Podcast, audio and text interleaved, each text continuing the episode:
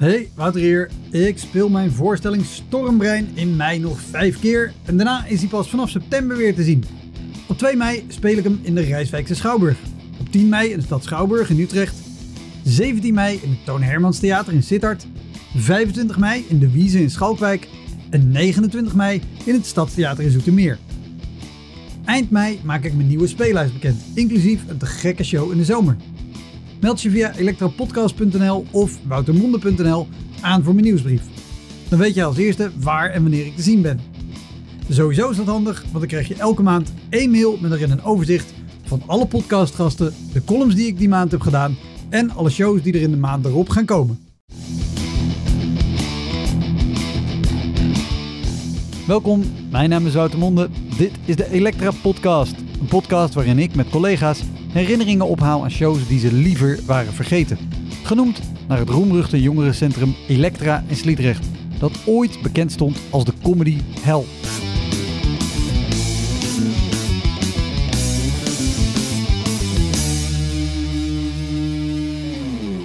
Deze keer te gast is Christian van Eikelenburg, cabaretier. En we hebben één keer opgetreden. En we zouden daar ook eigenlijk voor een preview krijgen dan altijd een beetje geld. En toen hebben we gezegd: dit was het. En toen zijn we weggegaan.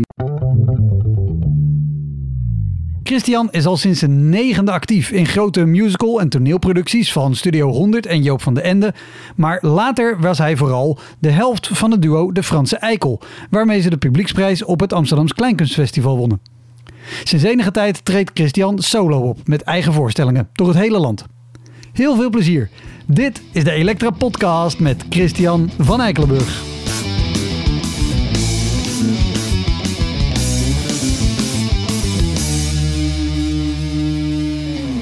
Ik kende jou van de Franse Eikel. En dan moet ik heel eerlijk zeggen, ik kende de Franse Eikel vooral van naam, want ik heb jullie helaas Mhm. nooit eh, zien spelen. Maar ik keek op jouw website en zag ik, holy shit, deze dude speelt al sinds zijn negende gewoon, sta jij op het podium Ja, in klopt. allerlei soorten musicals en toneelvoorstellingen en Ja, heel veel gedaan. heel veel. Ja, ja heel veel. Ja, eh, ja musical was mijn eerste liefde met theater. En daar raakte ik als eerste mee in contact.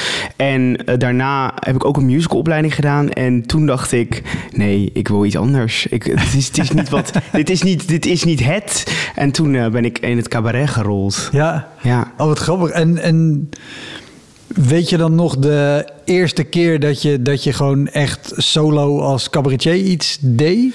Niet misschien per se een hele avondvullende voorstelling, maar gewoon... Nou, wel op, op, eh, moesten op eh, mijn opleiding moesten we wel zelf solo's maken. En dat moest dan wel eh, muziektheater, musical gericht zijn. Dus dat was dan meer kleinkunst, ging ik dan een beetje die kant op. Dus dat was de eerste keer dat ik dan alleen op het toneel stond. Maar daarna natuurlijk met de Franse Eikel was ik, waar ik, was ik weer met z'n tweeën, want dat voelt gewoon fijn. Ja. Ik vind het fijn om in een groep te werken altijd. Ja, nee, maar, maar juist daarom. Omdat je natuurlijk al dan zo lang eh, de- gewoon... Want ik neem aan, als je zo'n opleiding gaat doen... dan zal rond je achttiende zijn geweest. Eh, ik was twintig. Ja. Ik was iets ouder. Ja. Dus dan heb je al gewoon meer dan de helft van je leven... Ja, ja, ja, ja. ja. heb je al op de planken gestaan. Maar, dan moet je dat, dat is eigenlijk een nadeel. Dat was eigenlijk eh, vond ik, was, is ontzettend verschrikkelijk. Want als je in, die, in, die, in, die, in de musicalwereld, daar wordt alles voor kinderen heel erg aangeleerd vanuit je moet dat doen en je moet dat doen. En niks komt vanuit jezelf of vanuit een impuls. Dus eh, ik liep daar ontzettend tegenaan toen ik eh, op, op school kwam. Omdat ik daar de hele tijd dacht. Ik snap het gewoon niet. Wat moet ik doen? Ik snap het niet. Zeg maar wat ik moet doen. Dus het was zo. Dus het was een hele andere manier van werken. Maar is dan ook dan, dan een eerste keer zo solo op een podium staan... ook niet heel eng als je gewend bent om altijd in producties te staan... Ik vond het echt wel waar lekker. alles heel duidelijk uit... Ik vond het echt wel lekker. Ja? maar toen zat ik al in mijn derde jaar. En toen was ik ook wel een beetje moe met... Dat, dat eh, zit ook heel veel opsmuk omheen. En heel veel gezeur. Als je met heel veel mensen werkt, dan moet je daar allemaal toe verhouden. En nu was het gewoon in mijn eentje. Dat was eigenlijk heel chill. Dan kon ik alles zelf bepalen. En, en weet je nog de eerste keer in je eentje dat het dus niet goed ging... en, en dat je misschien dacht, oh kut, waarom, waarom wil ik dit in mijn eentje doen? Ehm, nou, wij, ik heb nu net twee ouds gehad. Dat, dat is dan wel soms moeilijk. Want ik, eh, dan ik had Ja, want nu speel je weer eh, Alleen, alleen ja. en, en niet meer in de Franse eikel, Nee. maar gewoon echt in je eentje. ja, voorstellen. ja, dus nu moest ik, ik moest wel ontzettend wennen, want ik heb natuurlijk altijd iemand naast me gehad, wat een heel fijn manier is van werken en, en waar je ook je op kan bouwen. En nu moest ik ineens alleen try-outen. Dat was, vond ik wel eh, moeilijk. Wat- En wat vond je daar moeilijk aan? Ehm, nou, dat ik ehm, na afloop kon ik ook niet zo goed bepalen of, nou, of het nou goed was gegaan. Omdat je dan mm, de vorm die ik vaak kies, die, die is niet van het eh, eh, grap op grap op grap. Het is vaak een komische scène en daar eh, zitten wel grappen in. Dus ik vond het gewoon heel moeilijk om mezelf te verhouden tot het publiek. En ik dacht ook, moet ik ze nou aanspreken of aankijken. Ik heb altijd met een vierde wand gewerkt met Sanne samen. En nu moest ik ineens iets met dat publiek. Het was een heel gekke, gekke ervaring of zo voor de eerste keer. Ik denk dat het altijd zo is dat als je iets voor de eerste keer doet... dan is het gewoon zoeken naar eh, wat je plek is. En ik merkte gewoon dat doordat ik altijd in een groep heb gefunctioneerd... alleen op school dan even los... en nu ineens voor een eh, zaal met mensen sta... en dan ineens alleen moet performen... dan voelt het ook best wel naakt. En ook wel, ook met, eh, met Sanne en ook op school... alles is bij een musical gerepeteerd. En nu eh, stond ik met tekst in mijn hand dat voor te lezen... en ik vond dat gewoon een, een hele gekke ervaring. En, maar ik, eh, ja, ik, ik bedoel, ik leef nog, dus, dus dat, is, dat, is, dat is hartstikke goed. Maar het was, dat was wel lastig, ja. Ja, en, en lastig in de zin ook ehm, qua publieksreactie. Nou ja, Of- o- ook wel. Ja, omdat je... De eerste keer was in het Werftheater in Utrecht. Ja. En ehm, toen... Ja, dan... Dat is sowieso een lastige zaal, vind ik. en Sowieso een bijzondere zaal. Het is een hele bijzondere ik, ik vind en een hele zaal. leuke zaal. Ik speel Ja. er altijd met heel veel plezier. Maar het is... eh, Want hij is vaker ter sprake gekomen in deze Ja. podcast. Maar ik kan me voorstellen dat niet iedereen alles heeft gehoord. Vertel even... eh, nee, zou je kunnen beschrijven wat je, wat je ziet? Stel je loopt er voor het allereerst naar binnen. Ehm, het voelt een beetje alsof je, alsof, alsof je in de kelder van een ander theater zit. Zo, zo, vo- zo voelt het een beetje. Dus zo van, we hebben hier de stoelen opgeslagen. en, en, en hier... Heel accuraat op. Ja, ja. En zo ruikt het ook een beetje. Weet je zo, ja, het is het, alsof het oude decor van allemaal andere voorstellingen, dat staat daar. En er is daar toevallig ook een plek waar je kan staan en waar je kan optreden. Zo voelt het voor mij Ja, een ja. beetje. Je Ja. kan ook achter niet naar de wc, dat hebben ook volgens mij al heel veel mensen verteld. Dus je kan niet, je moet voor naar de wc, dus je moet door het publiek.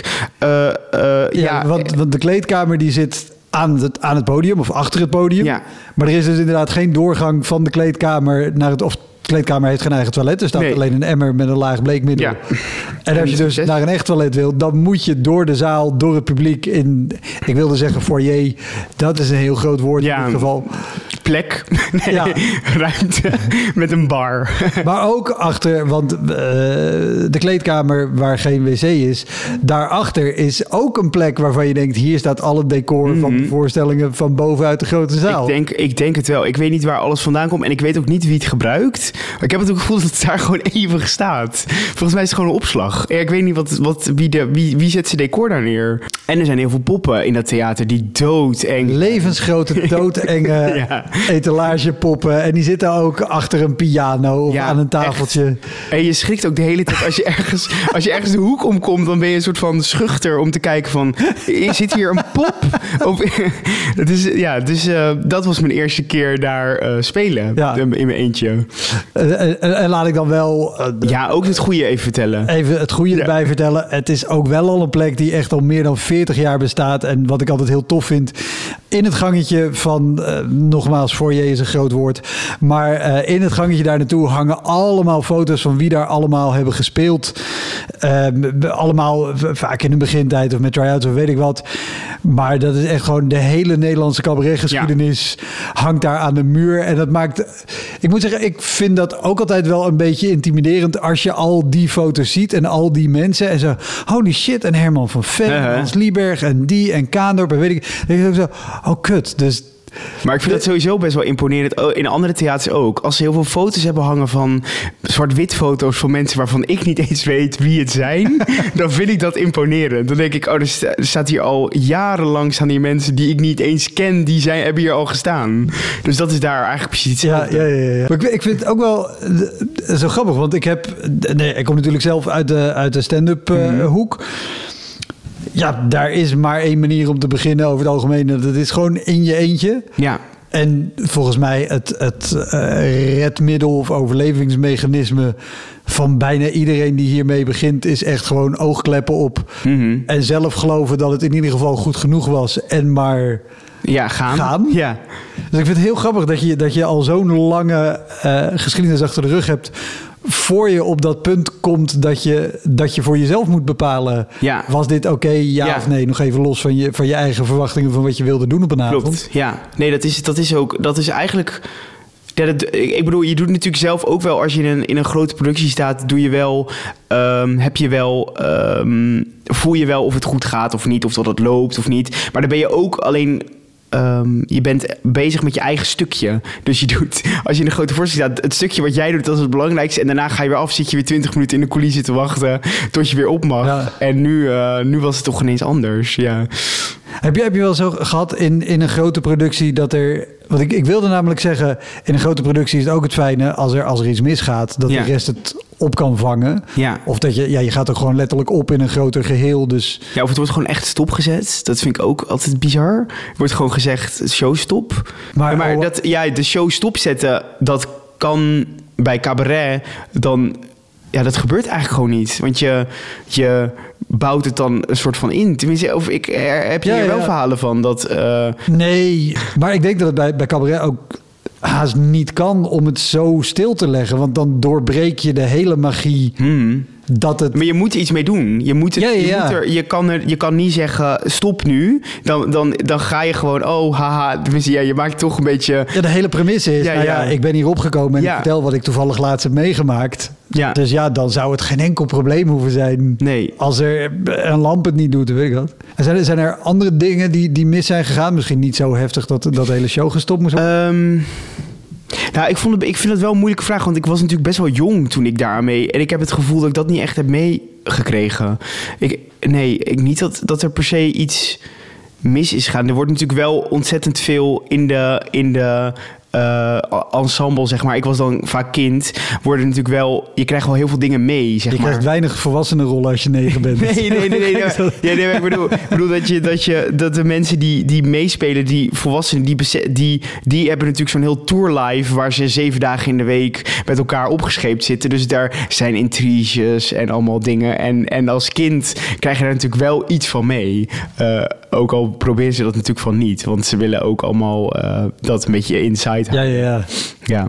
En de, dat proberen de nannies ook vooral. Die proberen je toch een beetje op een bepaalde manier eh, daarbuiten te houden. En dat je dan eh, niet mm, op het toneel bent op het moment dat de hele groep er is. Dus je wordt wel een beetje met zijweggetjes ertussen uh, Ja, ik, ik kan me voorstellen dat, dat zo'n hele productie best wel beschermend is, zeg maar, voor kinderen die erin Ja, spelen. tuurlijk, ja. Eh, nee, je zei al een beetje, het ging een beetje langs je heen. Heb, heb je het überhaupt door dan op zo'n leeftijd of een avond goed gaat of niet? Ja, volgens mij ben je daar helemaal niet mee bezig. Nee, ik heb, want je zit vaak ook al, je bent, je, je doet zeg maar, uh, je bent al met zeven kinderen of zo, heb je zeven, alle zeven dezelfde rol en dan wissel je om, zeg maar. Dus dan, uh, uh, en zij zijn vaak al, al een hele lange tijd bezig. Ik, ik, ik was vaak, ik kom uit Rotterdam, dus ik zat ook heel vaak regio's. Dus dan was ik regio Rotterdam. En zijn sowieso altijd eerst in Amsterdam begonnen. Dus dan in regio Rotterdam kom ik er dan eens bij. Dat is al, dan is die voorstelling al, uh, hebben ze er al 30 op zitten. Dus dan, dan loopt het wel, zeg maar. Dus ik heb dan niet echt het gevoel dat er dan ja, ze krijgen wel eens een slappe lach en er gebeuren wel eens dingen achter. Of ik kan me nog wel één keer herinneren dat Ron Boshart had een. Toen zat ik in Doornroosje van Studio 100. En Ron Ja. Boshart had... Er, op een gegeven moment kwam er een draak of zo. En Ron Boshart had het grappig gevonden om een arm... Een, een arm van een pop... om die uit de mond van de draak te laten hangen. Maar het is een kindervoorstelling. Dus... eh, en daar is hij toen wel ook ferm op aangesproken. dat hij, en dat heb ik ook meegekregen... dat hij daarop aangesproken werd. Maar dat ineens een, een arm uit een, uit een draak zijn mond hangt... dat is natuurlijk niet de bedoeling. Hoe reageerde de zaal hierop? Nou, ja, volgens mij denkt de zaal gaat er dan best wel in mee dat dat er denk ik gewoon bij hoort. Ja. Maar ja, Studio 100 was op dat moment niet zo blij daarmee. ja, ik vond het wel een goede grap eigenlijk als ik er nu over nadenk. Maar voor kinderen is het natuurlijk niet... eh, Nee, en, en zeker Studio 100 kan ik me voorstellen dat die... Ja, maar de, eh, en het is natuurlijk ook, dat was grappig, want ik weet nog dat iemand was, de, de company manager denk ik was zo boos om het feit dat dat was gebeurd. Alleen, eh, ze hadden niet verwacht dat het Ron Boshart was. dus, dus dan moet ze ook nog met hem om de tafel, want hij is wel een van de sterren die Ja. meedoet aan de voorstelling. Dus, dus ze konden hem niet zomaar eruit flikkeren of, of heel erg eh, toespreken. Dus het was wel een, ja, het was een beetje een gekke sfeer toen. Ja, oh wauw. Is het zo heftig dat als mensen echt een grove fout maken... dat iemand zo'n productie uit wordt geknipt? Nee, dat niet. Maar er wordt wel, wordt wel ferm tegen je gesproken. Ja, de musicalwereld is wel hard, zeg maar. Is een harde wereld. Ja, Wat grappig. Ik heb, ik heb echt geen, geen beeld van hoe het werkt in de musicalwereld. Dat heb ik ook wel weer. nee, ja, het is, ja, het is een... Ik merk nu ook dat in de cabaretwereld voel ik me wel fijner. En als we ook, eh, als ik een preview doe en er zijn meerdere cabaretiers op een avond, dan vind ik het veel gezelliger dan hoe het bij een musical gaat. Het is toch een beetje soms haat en nijd tegen elkaar en, eh, en niet zo leuk. Ja. En voel je dan nu, zeker nu je zelf solo misschien een voorstelling maakt... Is er, is er meer ruimte voor, voor om fouten te maken dan dat er in zo'n productie is? Ja, absoluut. Ja, nu, ik bedoel, nu, omdat ik ook eh, eh, een uur en een kwartier nu zelf op mezelf ben aangewezen, kan ik ook veel meer improviseren en is er veel meer ruimte voor eigen grapjes tussendoor. En dat is heel fijn en heel bevrijdend. En zo'n musical is gewoon, er zit ook iemand in de zaal, eh, elke voorstelling, om te kijken of het niveau nog wel goed genoeg is en of mensen niet te veel smieren. En dan word je erbij geroepen om dat weer op poten te krijgen. Dus het is gewoon een hele andere wereld. Wauw. Ja, ja, ja, nee, ja, echt. Het is gewoon discipline, zeg maar. Het is gewoon... De, het, het, bij musical gaat het... Dat verhaal moet zo goed Ja. mogelijk verteld worden. Ja, het en, het gaat om het verhaal, ja. En, het, en het is ook met... eh, vaak als het eenmaal groot is... dan zijn er ook enorme decorstukken. Dus dan, en het is op band. eh, de muziek is... eh, of het, het orkest speelt door. Dus je moet daarin mee. Want anders ben je screwed. Dan, dan gaat het niet goed. Dus dat is een hele andere manier van werken. Ja. Heb je ooit het orkest gemist? Als je, als je zegt het orkest gaat door, dus je moet mee. Nee, nee. Nee, ik heb eigenlijk bij musical niet zo heel veel fouten Of is dat gedaan. gewoon de omdat het zo, omdat het zo ja, ja, ja. gedisciplineerd is, gebeuren er eigenlijk nooit echt gekke dingen. En alles is ook groots, dus, dus je komt nooit in vervelende zaaltjes. Het is altijd... Ja, altijd goed geregeld op de een of andere manier. Nou, hartstikke Wat heel leuk fijn is. Gaan we het ja. niet over hebben. Nee, want daar gaan we, daar gaan we niet. Maar daarna, daarna komt natuurlijk het, eh, het vervelende. Dan komt de, de, de, de achterafzaaltjes in je eentje. En met de Franse eikel. Wat, wat is het, het, het meest achteraf zaaltje waar je, waar je in hebt gestaan? Solo of, of met de Franse eikel? Mm, ja, dat vind ik moeilijk. Niet eens per se qua afmeting hoor, maar misschien ook gewoon, gewoon qua omstandigheden. Of... Nou, ik heb één keer, volgens mij was het in Hedel. Ik weet niet meer, was met het AK, de finalistentournee van het AKF met Stefano Keizers en Gover. Nee, sorry, eh, Stefano Keizers en Marijn Krol. Ja, ja vaak En- als je Stefano Keizer hebt, gewoon voor mij ja, gek, bij. Dat is ja, ja, dat is ook heel, heel gek. Nee, dus het, en toen stonden we. Want jullie hebben eh, AKF gewonnen met de Franse eikel in wanneer? Nee, we hebben de publieksprijs gewonnen. Publieksprijs en gewonnen, ja. Stefano won de eh, juryprijs. Ja. dus toen gingen we met z'n allen op tournee. En toen eh, kwamen we af en toe wel op plekken waarvan je dacht... Oeh, en ik denk dat het Hedel was, maar ik weet het niet precies. Maar het was een soort van jaren 60-achtige plek. Het was ook alsof er de tijd had stilgestaan met stoelen die dan neergezet moeten worden. Die haat ik. Als er, als er een zaal is waar Je had stoelen... als eerst uit de kelder gehaald. Ja, die, ja uit, waarschijnlijk uit het Werftheater. Dus als ze stoelen neer moeten zetten, dat vind ik verschrikkelijk. En dan, Waarom? Ja, nou ja, omdat het dan zo... Dan voelt het meteen niet als theater. Dan voelt het zo ehm, nou, we zetten nu even de stoelen neer. En dan ook als het een hele grote zaal is en er zijn 30 kaarten verkocht en ze zetten er al maar 30 stoelen neer. Dat vind ik gewoon de hel. Dan staat er zo'n klein bubsje met stoelen in een enorme zaal. Eh, sta je op het, op het toneel. Ja, ik weet niet. Het is altijd verschrikkelijk. of, eh, net- dat is Ik net- ben, ik ben heel blij als, er, als het een grote zaal is en ze zeggen er komen 30 mensen. Dus we hebben 30 stoelen neergezet, dan ben ik blij. Oh ja? Oh, ik denk dan... Want als ze er 60 neerzetten, dan weet ik al waar iedereen gaat zitten. Ja, en dat dat, is is, waar. niet vooraan. Dat is waar, dat is waar. Dat, daar want mensen zijn dan altijd heel hoopvol. Ze zeggen, ah, er komen 30 mensen. Ik zet er wel- Maar eh, ah, Is nog wel aanloop. Is nog wel aanloop. er is nooit aanloop. Ik denk dat het in Hedel was. Ik weet het niet precies meer. Maar daar moest je ook beneden, moest je omkleden. Ergens in een of andere grote ruimte. Waar dan niks is. Dan, eh, ja, ik vind niet. Dan krijg je die hele, die hele sfeer was daar ook niet Want ik vermoed, want, want Hedel is, is gewoon een gezellig klein Brabants Ja. boerendorp. Ja. Dat dit een, een cultureel centrum of een soort multifunctioneel Dat centrum is. Dat denk ik, ja. ik- Er, er waren volgens mij ook een biljart stond er. Zo, ja. Ik weet niet. Het was in ieder geval terug in de tijd. En, en als ik even een lelijke aanname doe over de mensen in Hedel. Sorry mensen in Hedel. Sorry. Maar eh, jullie deden met de Franse Eikel de, volgens mij ook wel enigszins absurdistisch en, en fysiek cabaret. Ook niet gewoon standaard Ja. praatje liedje zeg maar. Ja. En dan, En krijg dan heb je ook nog Stefano Keizers. Ja, dat is Dat verschrikkelijk. is, dat is, dat is eh, Dat wil je niet. Dat, een, een spannende avond voor de mensen. Dat was sowieso, de, eigenlijk de hele finalistentournee was een spannende avond. Want we wisten ook niet wat er ging gebeuren. En, en wie, wie was de derde act ook weer? Eh, Marijn Krol. Ja, dus die, die deed eh, liedjes op de piano. Dat was eigenlijk heel toegankelijk. Dat wilden mensen ook heel graag zien. En er was ook heel veel gedoe over waarom Marijn niet alles had gewonnen. Want heel veel mensen kwamen voor de kleinkunst en voor de liedjes en mooi. En Marijn was dat ook echt. Alleen wij hadden dan de publieksprijs en eh, Stefano had de juryprijs. Nou, dat ging er niet in. dat was heel lastig. Eh, dus dat was ook wel, ja, dat was moeilijk. Dan, eh, dan mensen waren na afloop waren ze niet mee eens dat, dat dit de uitslag was. En, en- en hadden jullie een vaste volgorde waarin de act speelt? Nou, dat was dus ook nog een dingetje. Want, want eh, we wilden, wij wilden graag roleren, want wij moesten altijd als eerst. En dat vonden we gewoon irritant. Want wij dachten, ja, wij willen ook wel eens een keer weten hoe het is om na de pauze te spelen. Want wij, dus wij, wij begonnen altijd en toen hadden we gevraagd, kunnen we niet een keer wisselen van, van line-up? En toen was, ik denk, Stefano als eerste. En toen waren wij en toen Marijn en toen was, in, toen was het pauze, was iedereen weg. Toen was, was, was Marijn had niemand meer over. Omdat eerst kwam Stefano, toen dachten ze, nou wat gebeurt hier? Toen kwamen wij, toen dachten ze, nou hier snappen we ook niks van. En toen kwam Marijn, na de pauze Marijn. Ja, probeer dat maar eens vol te spelen. Dat lukt gewoon niet. Eh, Was er een presentator mee op die tour of niet? Ja. Oké, dat wel. Ja. Oké, ja. Dus die probeerde het wel enigszins te, te- te down, maar het was, ja, het, was niet, het was niet vaak leuk, zeg maar. Het was, was moeilijk, moeilijk, moeilijk om te vechten.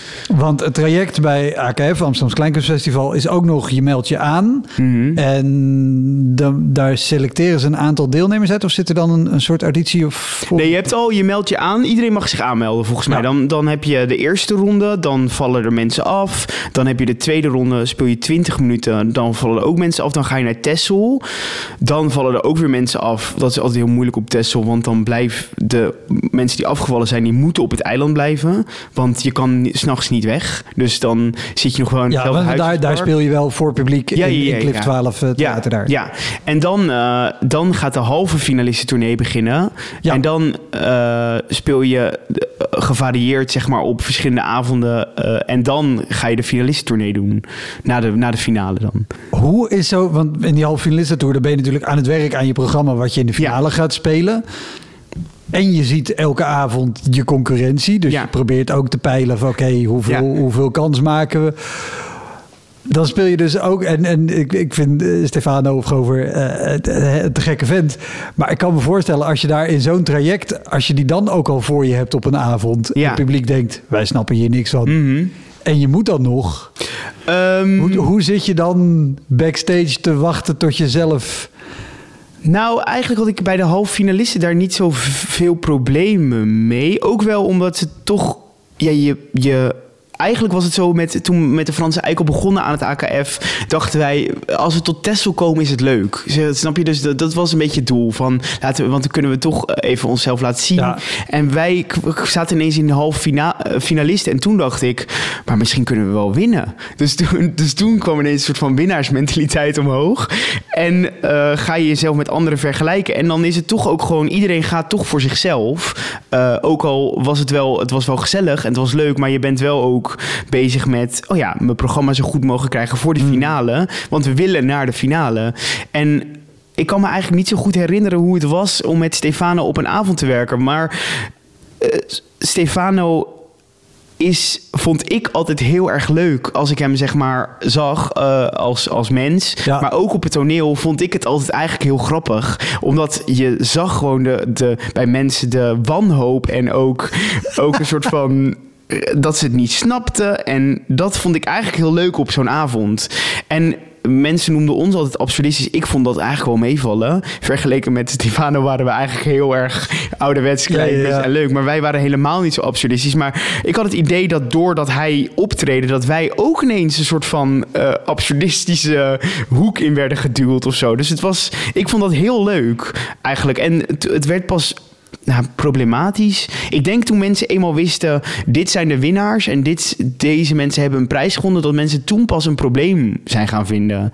Eh, ja, ja. Ja, Het lijkt me ook sowieso qua sfeer in een zaal al raar als dat er omheen hangt van tevoren al zo eigenlijk. Ja, nou, ik weet ook nog wel, er was één theater, ik weet niet meer precies wel, welk het was. Daar was ook de programmeur was, was not amused over de hele avond niet. Hij, hij vond het de slechtste eh, AKF-finalistentournee ooit, zei hij. Terwijl ik heb eh, veel AKF-finalistentournees gezien en wij waren niet de slechtste. Maar ik vond het was eigenlijk best leuk. Nee, we waren echt we waren heel gevarieerd. we waren heel gevarieerd. Oh, maar dan. En, en hoeveel, tour, hoeveel shows zaten er in die finalistentour? Weet je dat nog Ik ongeveer? denk eh 15 of zo. 15, Ah, oké, dat- viel nog, het viel wel mee. Ja, Dat is natuurlijk of met de finalistentour of, nou ja, of een cabaretstafette of ook previews. ja, Dat je natuurlijk ook opeens in een zaal staat met allemaal mensen die gewoon een hele andere verwachting hebben. Of Mhm. die niet voor jullie zijn gekomen. ja. Maar jullie wel ook. Nou, dat is sowieso mo- moeilijk, omdat je moet je eigen publiek zoeken en vinden.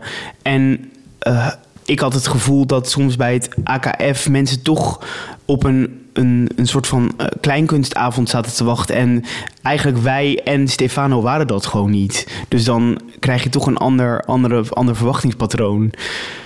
Ja, en, en- en konden jullie daar... Was er binnen het Franse Eikel ruimte om...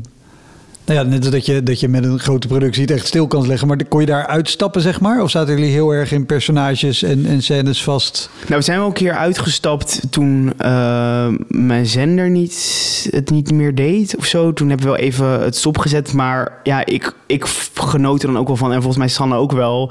Als het dan even misging. Want dan, dan was er ook weer even ruimte om gewoon even ja, te zijn of zo. En dan konden Ja. we daarna weer door in de personages. Ik vind dat ook altijd wel iets hebben. Dat je even ziet van, oh, dit is de acteur erachter die gewoon ook een mens is. En daarna weer doorgaat in het personage. Ja. Ja. En ik vergat het net helemaal te, te vragen. Ging- Gingen jullie bij die, bij die AKF-tournee ook de foyer in? Want ik kan me voorstellen, je hebt natuurlijk vaak mensen die eh, een oprecht compliment geven. Mhm. Of die denken dat ze een groot compliment geven en ondertussen de meest nare shit naar je hoofd. eh.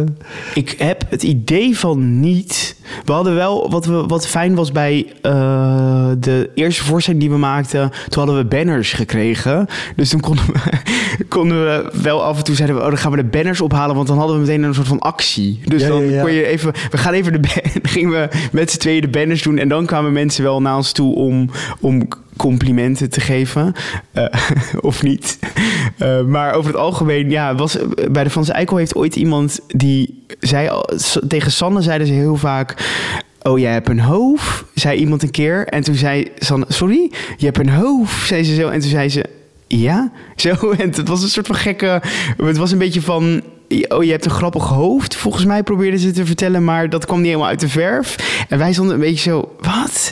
Ik, ik, ik snap het niet. Zo. En een beetje, haha, ja, leuk. Het was een beetje zo'n gekke, ja, gekke vrouw. Kan ik me nog herinneren. En ik kan me heel erg goed herinneren de, de previews die we hadden. We hebben één keer in een ehm, we hadden, eh, moesten op de uitmarkt optreden en toen stonden we in een enorme tent. Eh was heel leuk. En eh, hadden we heel veel plezier en dat was een, een preview. En toen waren we ook uitgenodigd om in Holte in een tent te, te spelen, want Holte had een theaterweekend. Ehm, en toen gingen we dus naar Holte en toen kwamen we daar en toen bleek het niet een grote tent te zijn, maar een tippie tent. en toen stonden we Zo'n kleine indianen. ja, eigenlijk stonden we daar en daar waren dus de... Daarvoor was ook een band, die, die speelde ook in de tent. Dus die had al zijn spullen daar neerzitten. En er konden zes mensen in de tent. En wij moesten drie keer twintig minuten optreden. En aan de overkant mochten we ons omkleden in het theater, want het was het theaterweekend. En in het theater was niks. Dus er was een zaal, was leeg, er was Oh. dingen, maar ze hadden gewoon, alles was naar buiten verplaatst. En wij zaten toen niet in de kleedkamer, maar ergens op zolder in dezelfde kleedkamer als de levende bank.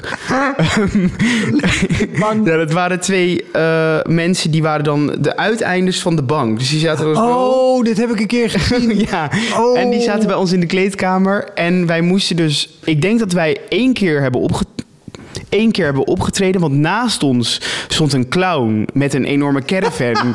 oh, met een caravan die eh, heel hard muziek aan het draaien was. Ehm, en we hebben één keer opgetreden. En we zouden daar ook eigenlijk... Voor een preview kregen we altijd een beetje geld. En toen hebben we gezegd, dit was het. En toen zijn we weggegaan. Oh, wat goed. Ja, want dat was echt, het was gewoon niet te doen. En je maakt daar reclame voor je voorstelling. Maar als er zes mensen. Je kan maximaal 18 mensen als, als je nog Ja. 100% score hebt, wat Ja. niemand ooit haalt. En, het was, en je stond, stond als een gek te flyeren. Als een soort van. Maar iedereen dacht, ja, weer een flyer. Ja, en, en het, was, ja, het was verschrikkelijk. Het was echt verschrikkelijk. En voor zaten er zes mensen? Nee, want niemand wilde in die tent. Het was super. Het was mega warm. Het was. Wij wilden ook niet in de tent. Ja, er was zo'n zo'n klein gat waar je dan doorheen moest. Niemand wilde daarin. Ja, het was echt verschrikkelijk. En ik, ik hou er ook gewoon niet van als je dan van tevoren al moet zeggen: Komt u bij ons eh, kijken in de tent? Zo, ja, het is verschrikkelijk. Oh, weet je wat ik daar altijd zo erg aan vind? Dat mensen nooit gewoon eerlijk zeggen zo... hey, er komt geen hond, je moet zelf mensen naar binnen lullen. Ja, ja. Maar dat is altijd heel eufemistisch. Nee, maar dan ga je leuk op straat parade maken. Ja, nee, maar dat is echt dat is niet leuk. Dat Oh, is niet leuk. En zeker niet op, eh, op het theaterweekend in Holte. Dat, dat, dat wil je echt niet. Dat wil je echt niet. Ik vind het ook zo frustrerend dat je dus... Dan sta je tegenover een theater waar alles is. Ja. En alles kan om dit tot een succes te maken. Ja. Dat En dan echt- heeft er iemand bedacht, nee. Ja. Dit hele gebouw wat we hebben, wat er Dat helemaal voor gemaakt is, dat gaan we niet Dat gebruiken. willen we niet. We, er gaat niemand binnen zitten. Nee, wij zetten een tippietent neer. En dan vragen we mensen om in de tippietent te spelen. Ja, het woord tent mag je ook echt niet gebruiken, vind ik. Want het was echt verschrikkelijk. verschrikkelijk.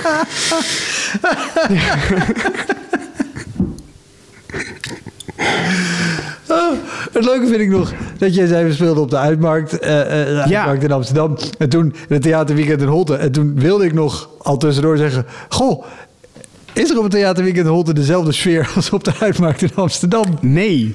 Nee. Het antwoord is nee, die is er niet. Nee, ja, dat was echt... De tippietent is, is een terugkerend thema. Ja, is, de, wij zeggen altijd, het kan nergens zo erg als in de tippietent in Holte. En dat is echt, dat is echt waar. Daar, als, je, als je dat hebt overleefd, dan kan je alles aan. Ja. Hoi, Wouter hier. Wist je dat er al meer dan 160 afleveringen van Elektra online staan? Dus het kan heel goed dat je net die aflevering hebt gemist met een comedian of cabaretier die jij echt helemaal te gek vindt. Op elektrapodcast.nl kan je makkelijk zoeken op de naam van de gast. En daar kan je ook heel makkelijk doneren of crewmember worden om mij te steunen bij het maken van deze podcast. Als je in je podcast of streaming app even klikt op abonneren of volgen, dat is gratis, krijg je elke week een melding als er een nieuwe aflevering klaar staat. Oké, snel weer terug. Jullie deden een preview, dus dan geef Ja. je een, een voorproefje van wat je het seizoen erop komt spelen. Ja. Hebben jullie wel nog avondvullend ook? in hebben Holte? avondvullend in Holte ge- gespeeld. Eh, Volgens mij heeft ons, eh, ons kantoor heeft toen ook een mail gestuurd daar naartoe. Ik weet niet of daar een reactie op is gekomen.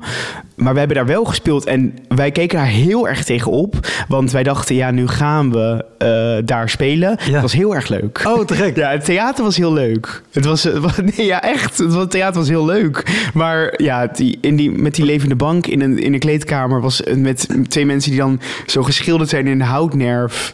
En dan zonder kleding aan daar zitten. Ja, is verschrikkelijk. Oh, ja, en, en ze, doen, ze doen wat ze doen, doen ze heel goed. Ja, en ik, heb wil het niks zeggen tegen de levende bank, maar... Maar, Maar ik word, ik word altijd heel ongemakkelijk van dat soort acts. Net als, als ehm, van die, van die eh, ludieke karakters op een feest of Ja. in een pretpark. En die blijven altijd heel erg goed in karakter. En ik kan daar helemaal niet Mhm. ik vind tegen. mensen op stelt heel erg altijd. Ja, oh, dat, Want dan vind ik altijd, denk ik altijd, ja, ik zie overduidelijk dat jij op stelt loopt. ik snap gewoon, zeg maar, de illusie is niet dat jij hele lange benen hebt. Jij loopt gewoon op stelten. en dat ziet iedereen. Ja. ja, dat vind ik gewoon. Sorry mensen op stelten, ik hoef het niet te zien. Vooral met vleugels, dat vind ik heel erg. Dat ze zo'n beetje gaan lopen alsof ze vlinders, ik weet niet. En, en als je over nadenkt hoe verschrikkelijk het moeilijk het moet zijn om op stelten te lopen en ook nog met enorme vleugels je Ja, evenwicht absoluut. elke seconde helemaal omver te Op gooien. is het- theaterweekend in Holte. is het Ja. waanzinnig knap dat je het kan. Ja, maar echt, ja. Ik, bij mij moet je niet aankomen. Echt niet. Ik wil het niet. Ik, ik heb ook altijd, als er entertainment ergens is, dan ga, ik op, dan ga ik op slot. Ik wil daar niks mee te maken hebben. Ik ben altijd bang dat ze mij eruit pakken. Ik, ben, ik, wil, ik wil het gewoon niet. Ik wil denken, nee, echt niet. Nee, ja, ik, ik snap het. Ja. Ik heb eh, in 2020 was het Utrecht Comedy Festival in Tivoli Vredenburg. En dat zat het door het hele pand, hartstikke tof. Eh, en ik loop heel veel hard, ook voor Stichting Kika en zo. En ik zou een marathon lopen op de loopband in Tivoli. En dan zou ik daarna nog een voorstelling spelen. Of een voorstelling, een half uurtje comedy. Maar daar liepen ook om een of andere reden dus van die, van die character acts-achtige dingen. Ja. En ik was al drie uur lang aan het lopen en ik was echt helemaal kapot. En de- f- achteraf gezien had ik vermoedelijk toen al corona te pakken, want ik ben daarna vier weken lang echt heel erg ziek geweest. Ehm, maar die kwamen op een gegeven moment ook bij mij aan die loopband, dat ik ook echt alleen maar kon zeggen: Oké. Ik weet dat je in je rol gaat blijven, maar ik ja. trek dit nu Ja. absoluut niet. Dus ga alsjeblieft weg. dit is alles wat ik vriendelijk tegen je kan zeggen. Ga nu weg. Ik, En bleven ze? Ja, ja, nee, nee, oh, dat is ze geen gingen weg. gelukkig Oh, weg. gelukkig. Oh, er- echt erg. Wat ik ook altijd heel erg vind, moet ik nu, nu we daarover hebben, is als mensen eh, gaan aankondigen van het theater zelf. Dus dan is er altijd iemand die dan zegt: Ik doe van tevoren even een praatje. En dan denk ik eigenlijk al: nee. Maar soms dan laat ik me toch verleiden om het te doen. En er was één keer iemand in Den Haag die spande de kroon en die zei. ehm, mag ik een heel groot applaus voor de Frans Eikel. En dat was het.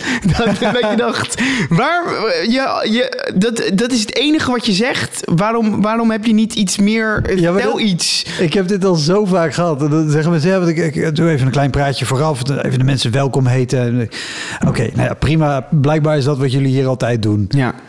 Oké, doe maar. Ik trek het daarna wel weer recht, zeg maar. Maar dan altijd, en dan zeg je, en, en hoe lang is je praatje ongeveer? Oh, een minuutje of drie, vier. Ja. En dan is daarna eh, altijd, nou, welkom, leuk dat u er allemaal bent. Hier is... Ja, en we gaan. Ja. Dat is toch een, beetje, toch een beetje vrees, denk ik, dat ze dan op dat moment krijgen van... oh shit, nu sta ik hier, nu moet ik iets te vertellen hebben... dus hier is degene die komt optreden. vrees en toch, er zit ook altijd een, een, een ondertoon in van eigenlijk had ik zelf, Ja, hier wil had ik jouw plek willen hebben. Maar ja, dat is niet, dat is niet het geval. Terwijl ze ongetwijfeld een hele goede accountmanager zijn Mhm. bij de lokale verzekeringsadviseur, weet ik wel. Ja. Maar, maar, dan, maar op zich, eh, qua aankondigingen is... eh, Weet je, het, is even schakelen dat je denkt... oké, het zou misschien langer duren en het is alleen maar dit. Maar dat is nog een goede aankondiging. Mhm. Ja, ja, ja. Want het, hebben jullie ook wel. Eh, vaak gaat dit ook mis als het goede doelen zijn. eh, of eh, benefieten willen mensen ook nog wel eens.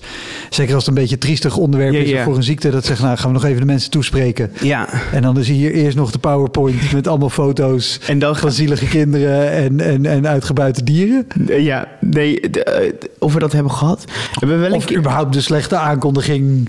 nou niet. We hebben één keer hebben we op, eh, dat was de grootste mismatch ever, eh, de dag van de literatuur in Rotterdam was in wij en het was in de Doelen, dus wij dachten Doelen fucking leuk. Dat is een heel groot eh, mooi theater. betaalde, betaalde supergoed. Dus wij dachten, wij gaan lekker naar de dag van de literatuur. En dan Tuurlijk. spelen we daar twee, twee keer twintig minuten.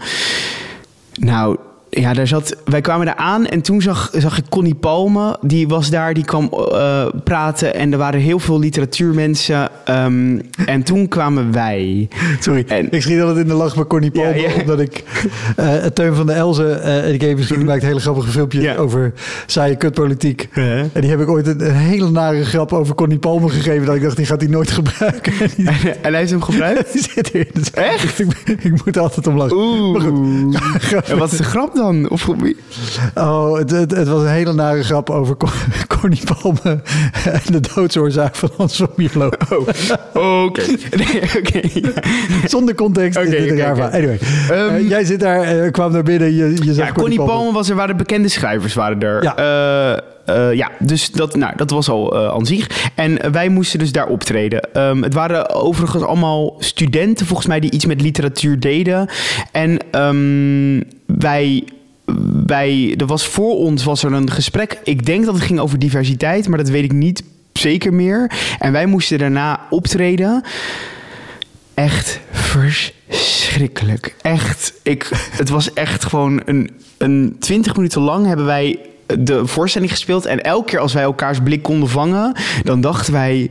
Shoot us. Want het was echt verschrikkelijk. En daarna heeft dus iemand heeft dus online een soort van recensie geschreven eh, van de Dag van de Literatuur. Iemand die daar als was. Mag ik? Moet ik hem? Ja, als je hem hebt, ja zeker, pak hem erbij. Oh, dit is heerlijk. Wij hier, wij in mijn hier- hoofd zei al, oh, die moet je even kijken of je hem kan vinden, want dan kan je een linkje plaatsen. maar je ja, hebt hem, dat is nog veel hem. beter. Ik heb hem. Ik ga, ik ga een klein... eh, het is een lange recensie. Dus heeft iemand eh, de tijd genomen om dit helemaal over ons te schrijven. Ja, ik heb hier smakelijk om gelachen.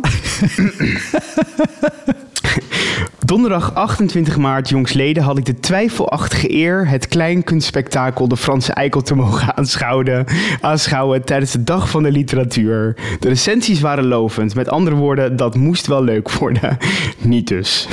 Voor het, duo op, eh, voor het duo op toneel verscheen, werd het publiek opgewarmd door een overenthousiaste presentatrice die als enige eh, die als enige treurig was dat de dag erop zat. En toen kwam het, de laatste act van de dag. Twee mensen wandelend rustig, één met een grote dubbel... sorry. Twee mensen wandelen rustig een met grote Duplo-blokken bezaaid podium op. Om daar vervolgens naast elkaar plaats te nemen. Een jonge man met een lolly, een, een ballon en een jonge dame met een overgrote lolly. De opkomst was een begin van een werkelijk tenenkrommende act die de zaal langzamerhand liet leeglopen. De twee begonnen monotoon hetzelfde uit te spreken met hevige gebaren. Wij zijn de Franse eikel. Ja, wat voegt dat nou weer toe? Denken jullie dat het publiek zo stom is dat men niet weet maar, maar, maar waar naar men kijkt? Of is het de bedoeling die naam te onthouden zodat je ieder kan waarschuwen voor deze misdadige slechte vertoning?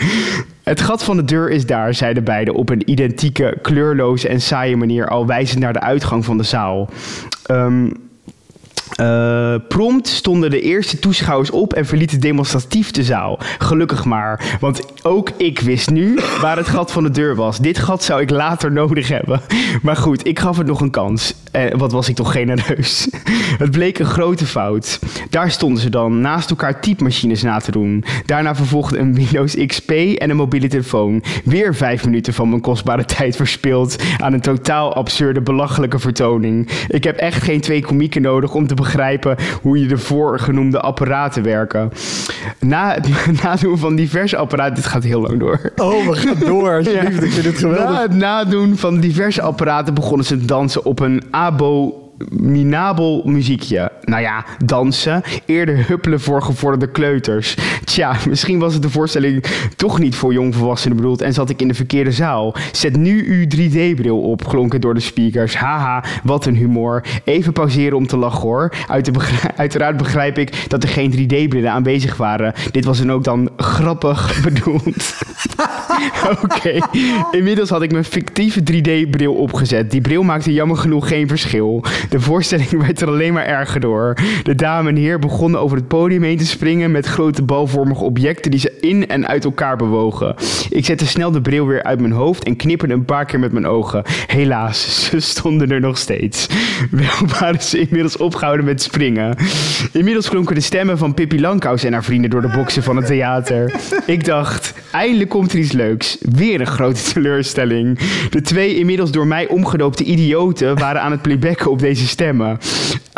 Als ze het daar nou bij hadden gelaten, was het misschien niet zo erg geweest. Echter, in een prachtige nostalgische geluidsfragmenten waren schandelijke veranderingen aangebracht. Pistoolschoten klonken door de zaal.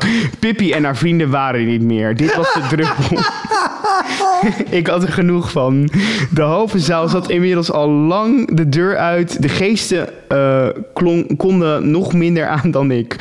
Al had ik liever eerder een schouwspel verlaten eh, om mij dit nog enigszins te besparen. Ik verliet de zaal zo spoedig mogelijk. Buiten klonken de meningen nog erger dan mijn genuanceerde.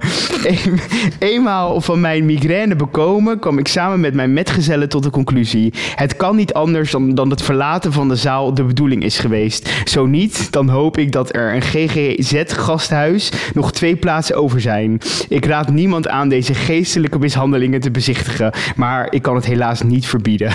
Wauw. Ja, maar wij hebben hier zo ontzettend om gelachen. Oh. omdat, het, omdat dit bevestigt, zeg maar, wa- wat, wat er op dat moment gebeurde. Dat, dat wij daar op de verkeerde plek waren en dat, dat ze het niet begrepen. Ja, Ja. oh, ik, ik, ik ging helemaal stuk om de tegenstrijdigheden. Sowieso al vijf minuten van mijn kostbare tijd. En vervolgens neem je een half uur om dit ergens Ja, ja, ja. te gaan typen... en te claimen dat het een genuanceerde mening is. Ja, En dan zeggen, ik heb geen twee cabaretiers nodig. Eh, ik, eh, ze hoeven hun naam niet te noemen om mij te vertellen wie ze zijn, want dat wist ik al. En vervolgens, nu wist ik ook waar het gat van de deur was. Oh, maar dat wist je niet ja, uit ja jezelf. echt verschrikkelijk. Echt ver- maar ik heb dus deze jongen opgezocht, want het is een voor- en achternaam stond erbij. Eh, ik was benieuwd wie dit is, want als er iemand dus Ik weet ook wie heel dit, benieuwd wie dit dit is, ik wil weten wie dit is. Oh, je hebt niet gevonden. Nee, ik, kan, ik, er staat alleen, ik weet niet wie dit is. Dit staat gewoon een voor- en achternaam, maar hij, Daan Posma, eh, ik weet niet wie, ik, er zijn er heel veel van. Ik wil weten wie dit heeft Oh, ik dacht dat het ook nog anoniem was. Ik kan zeggen, dan is het wel heel laf. Nee, nee, nee. Zo... Nee, Daan heeft wel zijn naam bijgezet. Dus dat vind ik heel aardig van Daan. Ja, Maar- dus, dus als je Daan Posma kent en die, die zit sinds dit optreden ergens in een instelling bij te komen, dan ja, laat het even die, weten. die kan dit nog steeds niet aan. Die, ik zou hem graag willen spreken. Want dit was toch wel echt fijn. ja, Wauw. ja, ja, het was... Ja, het is... Het, ja, ik weet niet waarom, maar ik ga je dan toch wel goed op eigenlijk. Als ik dit nu, nu teruglees. Ja, maar het is inderdaad, als je, als je dit leest en hoort, dan. Dan kan je, want het is een voorstelling die verder ook hele goede recensies kreeg. En jullie hebben ook niet voor niks ook een publieksprijs gewonnen. En meerdere shows gemaakt die ook weer elke keer geboekt werden. Dus Ja. dan doe je echt wel iets goed. Ja, nee, dat is Dus- ook zo. Dus het is... Dus, deze, dus als dit de reactie is, dan ging het of die middag inderdaad echt helemaal niet goed. Of Ja. het was inderdaad gewoon echt de verkeerde act voor een totaal verkeerd publiek. Op een verkeerd moment. Want ik kan me ook voorstellen als een dag, ja, hele dag vol literatuur. Ja, klopt. Dat, Dat, denk is ik ook gewoon veel om, om te verwerken. Dat denk ik qua ook. informatie en prikkels. Ja, en ik denk ook wel dat soms merk ik dat ook wel op dat ehm, je hebt dan al. Het is dan al een foute inzet. En dan daarna krijg je ook nog een act waar je niet zelf om gevraagd hebt. En ehm, we, in onze voorstellingen zijn we altijd best wel afhankelijk van licht en geluid. En dat doet toch iets. En daar is dan toch ook één lichtstand, eh, geluidsfragmenten. eh, dus je ziet ons aflopen. Ja, ik weet niet. Ik denk dat dat afdoet aan wat, je, wat, we, wat wij maken. Ja, en dan, tuurlijk, dan ja. komt het helemaal niet over. Als dat, als dat, eh, maar het is een beetje alsof je een kok bent. Ja, als jij een hele Ja, maaltijd hebt en je moet noodgedwongen Uh, twee ingrediënten eruit lagen, laten. En je hebt niet de gasbrander waarmee je normaal het lekkere krokante laagje erop kan maken. Ja, dan zet je iets anders op tafel. Maar ik vond het, ja, ik, ik heb er wel een. Ik hoop, ik, ik zou het ook leuk vinden dat er. misschien waren die dag mensen die het wel leuk vonden. Dat kan natuurlijk ook. Maar ja, ik vond dit zo exemplarisch voor die dag. Dus de, de dag van de literatuur ga ik nooit vergeten. Oh, maar je, maar je zei ook, jullie moesten twee keer spelen op die dag. Ja, dus di- dit, was, dit was de tweede keer. Want ik, wij hadden het vermoeden dat... Er liepen ook mensen de zaal uit toen wij zeiden... daar is het gat van de deur. Dus ik had het idee dat, zij, dat er ook mensen in de zaal zaten... die het al hadden gezien en dat die dachten... oh, het is grappig als wij dan echt weglopen. Dus het was ook een beetje kinderachtig om dat op die manier te doen. En eh, heb je, heb je vaker weglopers gehad? Of, of nu solo of met de Franse Eikel? Nee, eigenlijk niet. Het valt eigenlijk wel mee. Nee, ik heb eigenlijk... Nee, niet dat ik kan herinneren. Weglopers. Nee. Nee. Of dat mensen dus gewoon bij de AKF Tour wachten tot de pauze en dan... eh, Ja, en dan, en dan weggaan. Nou, ja, nee, bij de AKF toe ging je soms ook wel gewoon tijdens de voorstelling weg. ja, ja, nee, dat gebeurde wel, ja. Maar meestal zijn mensen, vinden mensen zich toch ongemakkelijk om de zaal te verlaten. Dat idee heb ik. Als je er eenmaal in zit... Ik ben zelf ook een keer in de pauze ergens weggegaan. Omdat ik het gewoon echt niet leuk vond. Ja, ik ben, ik ben ook nog nooit ergens tijdens een voor. Nou, één keer, maar er was een, een, een jazz combo in Tivoli Vredenburg ooit echt 30 jaar geleden. Nou, dat kan niet, 25 jaar geleden. En dat was een soort crossover tussen experimentele jazz en wereldmuziek. Oh ja. En toen daar was ik met een vriend. En er zaten vier mensen naast ons. En die stonden op. En wij vonden het al helemaal niks. Maar wij dachten ook, nou blijven zitten tot de pauze. En, dan weg, en toen zaten er naast ons vier mensen. En die stonden op een gegeven moment op om weg te gaan. Oh. Dus dat was ook dat we elkaar Ja, ja, dat, aanstoten. dat, ja, zij nu gaan. mee. Ja, ja, ja, ja. Zij gaan nu. Nee, ik ben zelf één keer de voorstelling voor, eh, gewoon in de pauze dacht ik, ja, ik, ik hoef eigenlijk niet zien, te zien hoe dit afloopt. Dit, ja, dat, Ja, eh, heb ik ook één keer ooit bij een hele gerenommeerde naam Ja. gedaan. Maar ook, oh, dat was, dat was ook verschrikkelijk. Zijn er, zijn er plekken, want je bent nu, eh, je, je hebt nu dit opnemen, heb je net de première gehad van je solo-voorstelling. Eh, en, en, en, en, en helaas voor iedereen die luistert, maar heel fijn voor jou, ging die première heel goed. Ja. Eh, lekker voor je. Je kan nog komen kijken. Maar zijn, zijn er plekken waar je, als je nu naar je tourschema kijkt, eh, zoals een, een, een, een, een Hedel misschien of een eh, Holte, dat je die in de lijst ziet staan en denkt, oh, ga ik daar Nou, ik heb heen? altijd, we hebben al- altijd een beetje, tenminste, volgens mij heb ik die nu, ik heb nu een nieuw impresariaat, dus die heb ik volgens mij niet doorgegeven, maar we hadden een zwarte lijst van daar willen we niet. Zo zeg maar, dat, dat gaan we gewoon niet doen. Ehm, maar volgens mij speel ik daar ook niet, dus ik hoop niet dat ik daar aankomend seizoen geboekt word. Maar Want, want misschien zonder de naam te noemen, wat, wat is de reden dat je een plek op de zwarte lijst... Nou, ik vind altijd heel erg als mensen, eh, als het een zaal is waar ze het gezellig gaan maken eh, door een beetje zo eh, tafeltjes met kaarsjes. En, en we, we zijn één keer op een plek geweest waar. ehm, Waar ze dan bureaustoelen hadden neergezet. En bureautafels, zeg maar. En daar hadden ze dan kaarsjes op gezet om een soort van gezellige sfeer te creëren. Ja, is verschrikkelijk. Ik haat dat. Ja, en, en het, Maar- ik, snap heel goed, ik snap heel goed dat ze het doen, want het is dan zo is aardig bedoeld. Of toneel op toneel, heb je dat wel eens een keer meegemaakt? Ja. Ook verschrikkelijk. Snap ik ook niet. Ja, want dan, dan, dan eh, en dat is over het algemeen gewoon omdat er dan weinig kaarten Ja, verkocht ja, ja, zijn. Maar er worden dus stoelen op het podium gezet, zodat je daar een klein intiem ding kan creëren en het nog enigszins leuk wordt. Ja, ja, en dat is heel fijn, denk ik, voor, voor sommige voorstellingen is dat heel fijn, omdat je dan dat, die contact met het publiek zoekt. Maar wij bij de Franse Eikel, wij, wij willen geen contact. Nee, wij zochten gewoon geen. Wij willen jullie niet zien. Nee, dus, dus zodra er dan zo'n sfeer wordt gecreëerd met kaarsjes, zo, ja, ik heb Maar, dat maar nog even past. terug, want ook de kaarsjes en de tafels is, is nog wel eens gewoon... Als je tafels en stoelen neerzet, dan lijkt 50 man in de zaal veel meer... dan Ja, dat je 50 man op een tribune van 200 hebt zitten.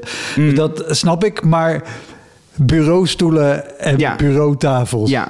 Dan speel je toch gewoon in een, in een veredelde kantoortuin. Klopt, dat is ook zo. Hoe, En- hoe, hoe was die avond? Nou, dat vond ik sowieso heel moeilijk, want in de grote zaal stond een musicalproductie waar vrienden van mij in zaten. En eh, die waren uitverkocht. En wij waren dus, hadden niet zoveel kaarten verkocht op die plek.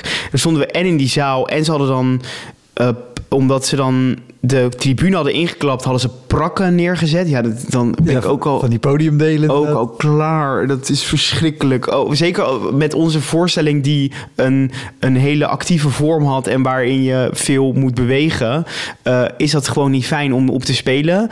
Nee, en ze, zijn, ze zijn op zich stabiel, maar Ja. ik weet het vanuit de tijd dat ik nog in een bandje speelde en wij renden altijd alle kanten op en springen, weet ik wat. ja, Die gaan best wel ja, meebewegen. ja, ja, klopt. Ja. Dus dat, dat is gewoon dat is al niet leuk. En dan ook stonden dus, dan zitten er weinig mensen en dan sta je dus in die zaal en dan ben je dus aan het spelen en dan zie je ineens, gaat de deur zo aan de zijkant open en dan zie je ineens twee mensen die je dan kent, die dan in de deuropening staan en dan wel zo van, leuk hè? Zo en ja, echt verschrikkelijk vond ik dat. Ik schaamde me ook echt. En toen moesten wij ook, dat vind ik dan ook erg.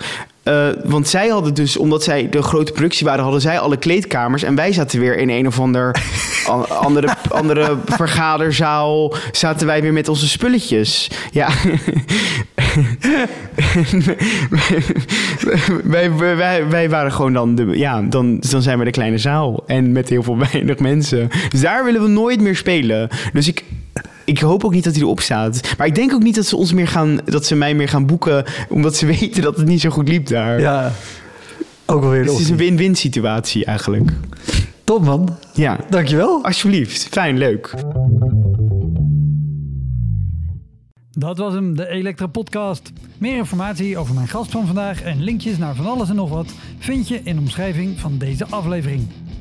Er staan ongelooflijk veel afleveringen online van Elektra. En op elektrapodcast.nl kan je makkelijk zoeken op de naam van jouw favoriete comedians en cabaretiers. Je kan daar ook eenmalig doneren of crewmember worden. Als crewmember betaal je maandelijks een klein bedrag, maar dan krijg je ook nog eens bonusmateriaal. Je luistert voortaan zonder onderbrekingen en je krijgt consumptiebonnen die je kan inleveren bij een show van mij. Ik vind het sowieso te gek als je een keer komt kijken bij mij. Dus ga naar woutermonde.nl, daar zie je precies waar en wanneer ik optreed. Of meld je aan voor de nieuwsbrief, dan hou ik je op die manier op de hoogte.